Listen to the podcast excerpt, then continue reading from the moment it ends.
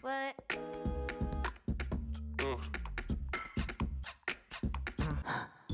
What We Women Want. Welkom bij een nieuwe aflevering van What We Women Want. Vandaag een speciale aflevering. Geen one-on-one interview, maar een groeps one-on-one interview met vier sprankelende onderneemsters. Volledig coronaproof ook, want de interviews vonden plaats via Zoom. Ik stel jullie heel graag Leen, Femke, Bushra en Sophie voor, alle vier finalistes voor de titel Onderneemster van het jaar. Jawel, Markant, Unizo en het agentschap Innoveren en Ondernemen bekronen vrouwelijk ondernemerstalent. Elk jaar reiken ze een award uit aan de onderneemster en de belofte van het jaar. In deze aflevering praat ik met de vier finalistes in de running om tot onderneemster van het jaar gekroond te worden. Maak dus kennis met Leen Gijzen, Femke Helon, Bushra Hashassi en Sophie Klaas. Elk met een prachtig ondernemersverhaal en met tonnen ambities. Ze zijn stuk voor stuk een inspiratie voor mij, maar ook voor alle vrouwen die dromen van het ondernemerschap en van de erkenning die ze verdienen. Ik stel ze dus heel graag even aan jullie voor. Eerst en vooral Leen Gijzen, founder van iPark, een multidisciplinair bedrijf met vestigingen in Kamperhout en Londen dat diensten verleent aan musea, kunstverzamelaars en galerijen op het vlak van restauratie, onderzoek en opslag van kunstwerken en erfgoed. En zoals ze zelf zegt, een heel boeiende combinatie van kunst en ondernemerschap met duurzaamheid als rode draad. Daarnaast is er Femke Hullon, de tweede finaliste. Voor haar is the future now. Als eigenares van Tree Motion is haar dat zeker niet ontgaan. Het innovatief bedrijf is gespecialiseerd in visuele communicatie. Ze helpen klanten om hun product of bedrijf op een visuele en creatieve manier in de markt te zetten. Van het ontwerp, de productie, de levering tot de plaatsing. En sinds corona heeft ze het bedrijf snel aangepast aan de veranderende markt en dat deed ze met veel succes. Maak ook kennis met Bushra Hashassi, CEO van Washville, die met de truckwash niet alleen de voertuigen doet blinken, maar er ook voor zorgt dat de chauffeurs er ontspannen aan hun volgende rit kunnen beginnen. Stap voor stap timmert ze aan de toekomst met nieuwe vestigingen over de landsgrenzen heen. De kernwoorden van haar hele avontuur: professionalisme en vernieuwing. En de locatie Antwerpen is slechts een startpunt. En last but not least, Sophie Klaas, die met de Gele Flamingo een online family concept store met focus op kids must-haves van 0 tot 6 jaar de Belgische online shop echt op de kaart zetten. Families verrassen en inspireren met unieke merken is haar missie. De grootste speler in online geboortelijst te worden en nog verder groeien over de grenzen heen is het doel. Ze wil de Belgische e-commerce verder mee op de kaart helpen zetten en daar slaagt ze glansrijk in. Wat denken deze dames over vrouwelijk ondernemerschap? Wie zijn hun rolmodellen en waarom klimmen ze op de barricades en nemen ze deel aan deze awarduitreiking? Ik vraag het hen. Welkom bij What We Women Want. Boom. What We Women Want. Femke, jij hebt ondertussen al een hele mooie carrière achter de rug. Kan je een voorbeeld geven van een hoogtepunt? onze twee nominaties voor de Trends uh, Gezellen. Uh, dat was toch wel de eerste keer dat we zoiets hadden van, ja, oké, dat is toch echt wel een erkenning voor de groei. Waar dat we ja, toch wel echt eeuws ingezet hebben daar heb je toch wel ja, echt al die jaren voor gewerkt om dat bedrijf uh, te laten groeien, om die mensen mee te laten groeien. En, en dan effectief zo'n nominatie is dan toch wel een beetje effectief een erkenning van ja, je bent goed bezig, je bent de goede weg ingeslagen. En dat is toch wel echt een, uh, ja, wel een hoogtepunt. Ik vroeg aan Leen, Sophie en Femke, wat zijn de voordelen in jouw job, net omdat je een vrouw bent? Ik ben opgegroeid en ik werk in een hoogopgeleide uh, context. Ik ben een witte.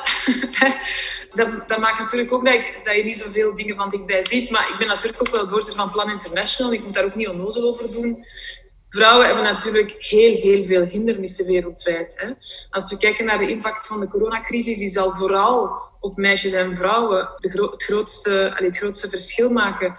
Uh, ongeveer 900 miljoen meisjes gaan ten gevolge van de uh, coronacrisis niet meer terug naar school keren. Omdat ze intussen economisch zijn ingeschakeld, omdat ze intussen zijn uitgehuwelijkt. dus dat zijn cijfers die u doen verbleken hè, bij wat wij hier uh, dicht bij ons zien. Dus het is natuurlijk zo dat het feit dat gender op grote schaal en op wereldschaal natuurlijk absoluut wel speelt. Hè. Dus dat is een super groot probleem. Ik weet heel goed in mijn hoofd waar ik naartoe wil, vaak in het gesprek. Maar door mijn, ja, mijn aanpak op een of andere manier altijd mijn goesting krijgen, of dat ik mijn zin kan krijgen. Sympathiek, ja, je wilt graag gewoon sympathiek en vlot overkomen. Uh, maar je hebt natuurlijk altijd wel je doel in je achterhoofd wat je wilt bereiken. Op die manier, als ik, ik had altijd zoiets van, oké, je hebt een plan in je hoofd. En als ik dat op die manier uh, mijn doel kan bereiken, ja, oké, dan gebruik ik gewoon uh, proeven dat ik heb om daar te geraken.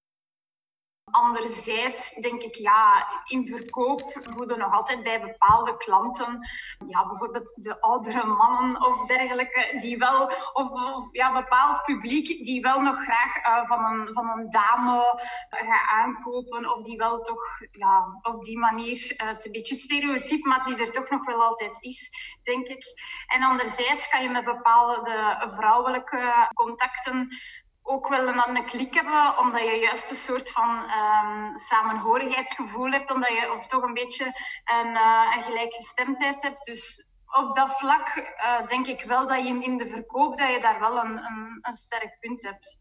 Zijn er voor jou, Femke, momenten geweest waarop jij harder op je strepen moest staan, net omdat je een vrouw bent?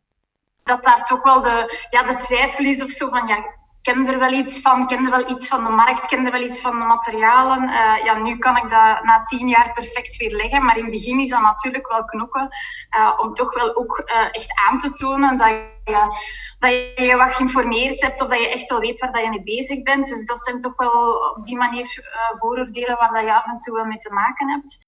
Leiderschap is belangrijk. Wat zijn volgens jullie alle vier de eigenschappen van een goede leider? Of hoe gaan jullie met leiderschap om en hoe organiseren jullie dat binnen jullie bedrijf? Qua leider, wie mij, heeft iemand mij heel, een hele terechte uitspraak gedaan aan het begin van mijn carrière. Ik ben dat eigenlijk nooit vergeten. Dat het eigenlijk je taak is als manager om ervoor te zorgen dat je mensen uiteindelijk boven jezelf uitgroeien. En dat, dat die op jouw stoel komen te zitten. En dat vind ik een ongelooflijke mooie. Want inderdaad, dat moet de betrachting zijn. Hè? Van jezelf overbodig te maken eigenlijk. Je mensen goed aanvoelen, te naar luisteren. En op een of andere manier ervoor zorgen dat ze eigenlijk ja, de, een stuk passie dat je zelf ook hebt, overkrijgen. En ook ja, met datzelfde gevoel en diezelfde passie ook hun job gaan uitvoeren. Hoe dat ik het doe, is... Um ik ben een heel empathische. Ik uh, probeer altijd alles wat ik doe vanuit... Ik probeer altijd te reflecteren. Alles wat ik nu ga zeggen, hoe zou ik het interpreteren? Hoe zou dat bij mij overkomen? En hoe kan ik zorgen dat mijn communicatie uh, duidelijk is zonder mensen te kwetsen? Dat is niet altijd even goed. Omdat als je heel empathisch bent, dan uh, soms moet je ook gewoon kunnen zeggen ja, recht op doel af, je communicatie duidelijk, zonder uh, mensen niet te willen kwetsen. En daarin heb ik echt wel een opleiding moeten volgen, om daar ook af en toe gewoon heel duidelijke communicatie te hebben, uh, zonder daar eerst nog over te reflecteren van hoe zou het bij mij nu overkomen. Soms moet je ook gewoon duidelijk kunnen zijn. En dat is eigenlijk mijn leiderschapstraject. Ik denk dat daar ook belangrijk is dat je als leider um, daar een sturende rol in, in speelt. Geen, uh, niet altijd een controlerende rol, dat je wel mensen vrijlaat om, uh, om zichzelf te ontplooien en om zelf verantwoordelijkheden te nemen. Maar dat je wel een, een sturende rol bent en om af en toe een beetje raad en daad te geven en een beetje bij te sturen uh, en vertrouwen te geven ook. Sophie, waarom nemen vrouwen zo weinig leidinggevende functies op, denk je? Er is een lijstje van, van, van uh, zaken die ze moeten kunnen. En de man zegt van oké, oh, ik ken er precies wel twee van de tien, top, go, ik ga ervoor. En een vrouw die begint zich te focussen, oei, ja, maar dat kan ik niet, dat heb ik nog nooit gedaan. En die dan schrik hebben om het te gaan doen en, en de stap te zetten. Uh, we hebben heel veel vier-vijfde functies die wij uh, uitschrijven. En heel vaak krijgen we dan de mensen die daarop solliciteren, werken soms al vijf tot tien jaar in een bepaalde job of in een bepaalde sector. En zij geven dan aan, ja, ik heb nu kinderen, ik ben erover beginnen na te denken en ik wil toch ehm, ik wil dat, niet, ik dat allemaal niet meer doen. Ja, misschien omdat toch een veel functies, nog een leidinggevende functie, een fulltime job vereist is. En dat ze dat misschien toch niet, niet zien zitten met kinderen. Uh, ik denk dat dat misschien ook wel een van de redenen kan zijn. Uh, dat het ja, iets moeilijker te combineren valt met het gezin. En als de partner dan ook uh, een carrière heeft, dat dan de vrouw misschien nog altijd gemakkelijker zegt van ja, oké, dan zal ik mij wel even terugtrekken. Wat jammer is natuurlijk. Dus ik denk niet dat het, uh, dat het per se man of vrouw skills verschillen zijn. Wat ik wel denk, soms, is dat het voor, voor mij persoonlijk, kan voor mij persoonlijk als vrouw, um, soms wel moeilijker is in de zin, het houdt niet op bij op je werk, uh, je skill, dus daar je leiderschap te hebben, omdat ik ook nog eens thuis leiderschap moet hebben. En ik heb dan ook nog eens, um, het stopt niet bij naar huis te rijden. Ik denk dat dat misschien voor mannen ook niet is. Maar heel af en toe, als ik s'avonds laat na 14 uur werken thuis kom, en ik moet dan nog gaan nadenken, wat maak ik voor te eten? En mama, mama, mama. Dan denk ik soms ook, hoe zou het zijn voor een collega, mannelijke truckwasleider, die nu na een lange dag thuis komt? Femke, hebben vrouwen een streepje voor als het op leiderschap aankomt? Leiden zij op een andere manier dan mannen? Denk ik dat dat ook wel toch uh, ja, iets meer is voor een vrouw. Een man gaat misschien eerder zijn ego willen laten zien en zijn eigen kunnen. Terwijl een vrouw misschien meer voldoening haalt uit mensen te laten leren, te laten ontwikkelen. Um, dat is toch voor mij het geval alvast. Ik word uh, er vrolijk van als ik zie hoe mensen uh, binnen ons bedrijf een traject afleggen. Uh, bijvoorbeeld jobstudent tot uh, teamleader van, van, een volledige afdeling. Ja, daar word ik echt gelukkig van. Dan heb ik wel ook het gevoel van, ja, ik heb de juiste dingen gedaan. Die persoon is, die heeft dat zelf ook gedaan. Dat, is, dat zijn niet, niet mijn credits. Maar we hebben die wel kunnen sturen en kunnen motiveren en kunnen leiden naar, ja, naar een plaats waar hij hem echt wel um, in kan ontwikkelen en waar dat hij zelf ook echt iets, uh, ja, toch echt iets aan gehad heeft en dat hij echt fier mag op zijn. Femke, vrouwen twijfelen toch wel vaker aan zichzelf dan mannen? Ah, ik denk dat er toch nog bij vrouwen wel ergens uh, wat meer twijfel uh, zit. Twijfel aan zichzelf of aan hun kunnen. Terwijl dat mannen volgens mij op dat vlak toch wel nog altijd wel zelfzekerder zijn. Uh, ja, recente studies denk ik dat dat ook wel aangetoond hebben van als, uh, als er een, uh, een openstaande vacature is voor een topfunctie, dan een man, als ze drie of vier van de tien ehm, vereisten kan invullen, dan denkt hij zoiets van ja, bon, dat zal wel lukken. Terwijl een vrouw, ja, die wil er eigenlijk die wil zeven à acht um, van de puntjes afgevinkt hebben, alvorens dat ze toch een beetje vertrouwen gaat hebben om daarop in te gaan. Dus ik denk dat dat toch nog wel een stukje erin zit. Zij zien toch ook wel um, ja, dat, dat hun, mama dan toch wel echt dingen aan het doen is en dat hij ook zelf iets kan bereiken. En ik denk dat dat op, op dat vlak ook wel een voorbeeld is echt voor de kinderen van kijk, ja, je, je, kan echt, je kan echt meer doen en je kan echt meer uit jezelf halen. En, en op dat vlak ben ik er van overtuigd dat ja, ondernemen, een ondernemende vrouw uh, perfect binnen een, uh, ja, binnen een gezin een, uh, een echte meerwaarde kan zijn. Ja, Sophie, niet iedereen krijgt evenveel steun. En als we dan over de schooltijd of daaraan terugdenken, dan komen we wel eens leerkrachten tegen die ons opmerkingen gemaakt hebben, die we jaren later nog altijd onthouden hebben. Bij jou is dat niet anders. Ik heb ooit gehad in middelbaar dat een lerares Nederlands tegen mij heeft gezegd van Sophie, met zo'n ingesteldheid zal je nergens geraken in het leven. Dat vergeet je niet, zoiets. En dan, terwijl ik keihard gewerkt heb eigenlijk en echt wel een seut was vroeger op school, dus ik was echt niet de... de uh, maar op, dat is super lang geleden, dat is uh, meer dan twintig jaar geleden ondertussen, maar je vergeet dat niet. En soms denk ik wel eens van, ze zou eens moeten zien waar ik nu aan het doen ben. Leen, Bushra en Femke. We spreken heel vaak over het glazen dak. Denken jullie dat wij het glazen dak nog moeten breken of dat we van binnenuit of van onderuit onze maatschappij moeten veranderen? Want jullie zien toch ook dat er dingen zijn die niet kloppen, dingen die mensen opgelegd worden waardoor we minder goed functioneren. Hoe zouden jullie daarmee willen omgaan of hoe gaan jullie er al mee om in jullie bedrijf? En wat zouden jullie veranderd willen zien? Het verbaast mij ook bijvoorbeeld nog altijd, hè, na zoveel maanden lockdown of corona, hoeveel calls, hè, dus klassieke vergaderingen die vroeger s'avonds waren, raden van bestuur, uh, uh, andere zaken, dat die blijven gepland worden via video tussen 7 en 9. Het moment waarop de meeste mensen, of tussen 6 en 8, de meeste mensen aan tafel zitten met hun kinderen, man of vrouw. Hè. Het moment waarop de meeste mensen of de meeste gezinnen aan huiswerk bezig zijn. Ik vind dat heel bizar dat wij niet eens de vraag stellen van ja, we worden daar allemaal mee geconfronteerd en niemand stelt dat in vraag. Dat is heel raar. Er is zoiets, hè. vrouwen moeten natuurlijk dubbel zo hard vechten om te komen waar ze, waar ze staan. Hè. Ik heb zelf ook die fout gemaakt. Ik heb in het begin van mijn carrière gedacht, ik moet uh, mij gedragen als een man. um, letterlijk ook heel ambitieus en, en, daarom niet over lijken gaan, maar toch zo... Hè, ja, eigenlijk anderen zijn niet belangrijk op mijn pad. Weet je dat? Um, en dat is eigenlijk een fout die je maakt, want je moet gewoon omarmen wie je bent en eigenlijk helemaal niet nastreven van iemand anders te willen zijn. Um, maar dus vrouwen moeten over het algemeen hard vechten en, dubbel zo hard bewijzen wat ze waard zijn. Dat ik denk dat je ja, op die manier misschien wel wat... Ja, dat er wel wat nijd of agressiviteit in je gedrag sluipt en dat dat misschien verklaart waarom ze anderen dan naar beneden zouden duwen. Maar um, ik zie het in mijn omgeving niet. En als ik het zou zien, zou ik het ook meteen uh, aanpakken. Um, maar dat is natuurlijk niet vast. Ik bedoel, we moeten elkaar, mannen en vrouwen, maar natuurlijk vrouwen onder elkaar, wel gewoon naar, ja, naar boven trekken. En niet degene die zijn kop boven het maaiveld uitsteekt, uh, die, er, uh, die er tussenuit halen. En wij werken bijvoorbeeld met mensen die um, een vorm van autisme hebben. Uh, dat is een, gecreëerd... We, creëren echt wel een, een werkomgeving waarbinnen dat zij volledig kunnen functioneren.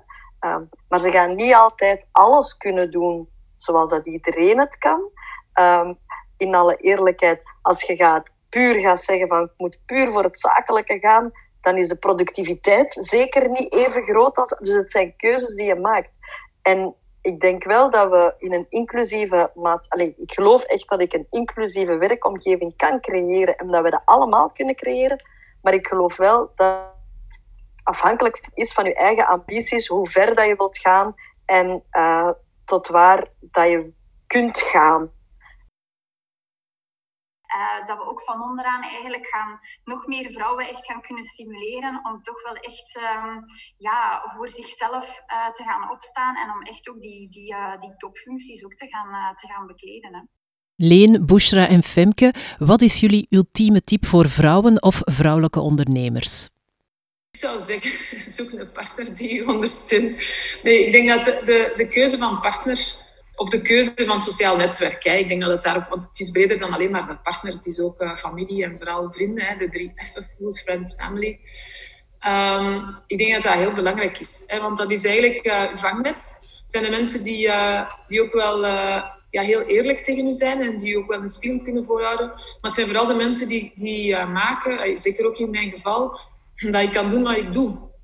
Hè, die maken dat een aantal dingen um, ja, taken care of zijn, die, uh, die maken dat ik me heel dikwijls vrij voel van ja, ik weet, oké, de dingen die thuis spelen, die zijn afgedekt. Ik hoef me daar geen zorgen over te maken. En dat is heel belangrijk om met een, uh, met een open blik en een open geest uh, ja, business te gaan doen. Het is gewoon zo. Dus dat is één. En twee, denk ik, los van natuurlijk um, ja, de context waar je in opgroeit of gezondheid die je natuurlijk zelf niet bepaalt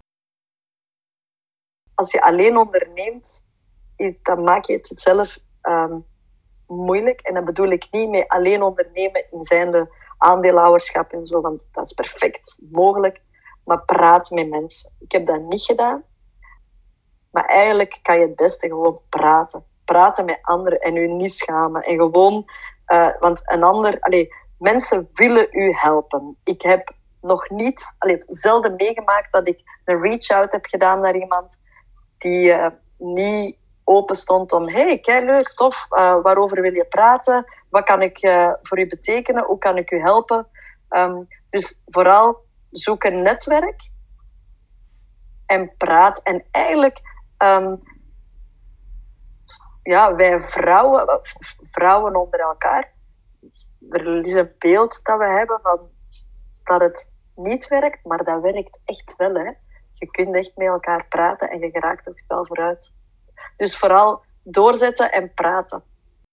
Ik uh, moet eerlijk gezegd iets bekennen. Ik had vorig jaar in mijn boekje uh, met zo'n beetje mijn voornemens opgeschreven van ja, dingen die ik de komende twee jaar wil doen. Um, een, eigen, uh, een eigen boek of boekje schrijven. Um, soort van uh, ja, weerspiegeling van hoe dat ik de coronatijden uh, heb doorgebracht. En als, uh, ja, als mens, als, als leider ook, als, als bedrijfsleider, de dingen die mij geholpen hebben, bewegen, gezondheid, boeken lezen, af en toe eens mediteren. Allee, het is een beetje de dingen die voor mij werken om mij de kracht te geven en energie te geven om er zelfs in zo'n tijden echt volop voor te gaan. Dus dat is ook iets wat ik ja, eigenlijk daarvoor ja, iets nooit gedacht had van ja, ga ik dat wel doen? En je zit altijd zo, ja, ik zou het eigenlijk wel willen, maar ga ik dat wel kunnen? En hoe moet ik dat dan doen? Dus wil ik echt zoiets meegeven van geloof in je eigen kracht, ga er echt voor. Je, hebt echt meer in je mars dan dat je denkt en begin echt met een klein stapje en ga zo voort. En dan, dan zie je echt uh, dat je echt wel dingen kan bereiken. Leen, Sophie, Femke, Bushra, jullie nemen nu deel aan de Women Award. Wat is jullie motivatie om al die moeite te doen om jullie jezelf op de barricade te zetten en zichtbaar te maken? Er moet absoluut zichtbaarheid blijven gegeven worden aan vrouwelijk ondernemerschap, net door dat rol, rolmodellenverhaal. Je hebt, je hebt rolmodellen nodig om anderen vooruit te stuwen. Je hebt rolmodellen nodig om anderen te inspireren. En um, dat is zowel eh, iets als die prijs, maar vooral ook het veldwerk. Hè? Want je zit daar ook met een organisatie achter die prijs, die maakt dat er avonden zijn webinars, ondersteuning voor beginnende ondernemers. En dat is wel iets waar ik nu, ik nader toch een soort uh, historische mijlpaal in het mensenleven. Ik laat mijn leeftijd in het midden, waar ik nu wel um, tijd wil insteken om andere vrouwen ook daarbij te helpen uh, via mentoring. Toen ik begonnen ben met de Gele Flamingo, um, we hadden uh, nog niet zo lang ervoor een huis gekocht, met een kleine baby huis. Oké, we hadden een goede job, maar het is niet dat, wij, dat ik een kei groot budget had. Dus ik had een budget van 1200 euro en dat was het. Daar ben ik mee begonnen. Uh, dus dat is eigenlijk niks. Ik heb zelf die webshop gebouwd. Um, heel veel gaan lezen erover. Van oké, hoe kan ik mij... Uh, hoe, ja, hoe, werkt die wereld? Uh, hoe zit dat hier in elkaar? Dus mijn belangrijkste motivatie was van oké, je hebt geen groot budget of superveel kennis nodig om ergens te kunnen geraken. je moet geen schrik hebben van, oh ja, ik heb, ik heb geen bedrijf overgeërfd of heb hier geen, uh, niet een hoop investeerders rond mij. Uh, dus dat je eigenlijk ook zelf ja, zonder budget kan starten en kan doorgroeien. En wij doen het nog steeds zo. Ja, het ondernemersverhaal is terug te brengen tot een A4'tje. Dan kom je echt wel tot de essentie van bepaalde dingen. Uh, periodes waren heel zwaar, heel ingrijpend. Um, maar al bij al is de toon echt wel uh, ja, voldoening vooral. Voldoening en dankbaarheid om... Um, en toch wel een stukje trots ook um, op wat ik op die tien jaar echt wel gedaan heb. Zoals ik zei, het is een, uh, een lang traject geweest. Waar ik uh, de trucwash altijd of dikwijls uh, op nummer één heb moeten zetten. En, en als prioriteit. En ehm, ik vind dit toch echt wel een, een bekroning. Of ook wel een, een bevestiging van eh, het is oké, het was oké en uh, je bent goed bezig. Zo, beste luisteraars, dit was de aflevering over de Markant en Unizo onderneemster van het jaar. Vier inspirerende dames die elk de prijs verdienen, maar helaas kan er slechts één van hen zich de komende twaalf maanden onderneemster van het jaar noemen. Wie treedt er in de voetsporen van Eline Pieters van Gedi Flora? We weten het op woensdag 10 maart 2021. Stemmen op je favoriete kan nog tot 10 februari 2021. Ik zou zeggen, doen alsjeblieft. Ze hebben elke stem nodig. En natuurlijk stopt het niet hier. Er zijn nog vijf andere finalistes die meedingen voor de titel Belofte van het jaar en wiens interview je kan beluisteren in de podcastaflevering nummer 4 en die daar trouwens helemaal aangeweid is en die je trouwens nu ook online kan terugvinden. Wil je onze What We Women Want podcast een ruggesteuntje geven? Laat dan een review achter op iTunes of Spotify. Of natuurlijk kan dat ook op onze social media en laat ons weten wat je van deze podcast vond. Volgende week zijn we er uiteraard weer bij. En dan nodig ik Kay Snels uit voor een gesprek. Kay is een ras-echte Vlaamse, maar ze woont en werkt in LA. Werkte als marketingmanager bij Uber en was head of marketing bij Boss Babe. Zij vertelt over haar internationaal avontuur en laat ons vooral ook een kijkje nemen in haar all-Californian lifestyle. Tot volgende week. What we women want. Bye.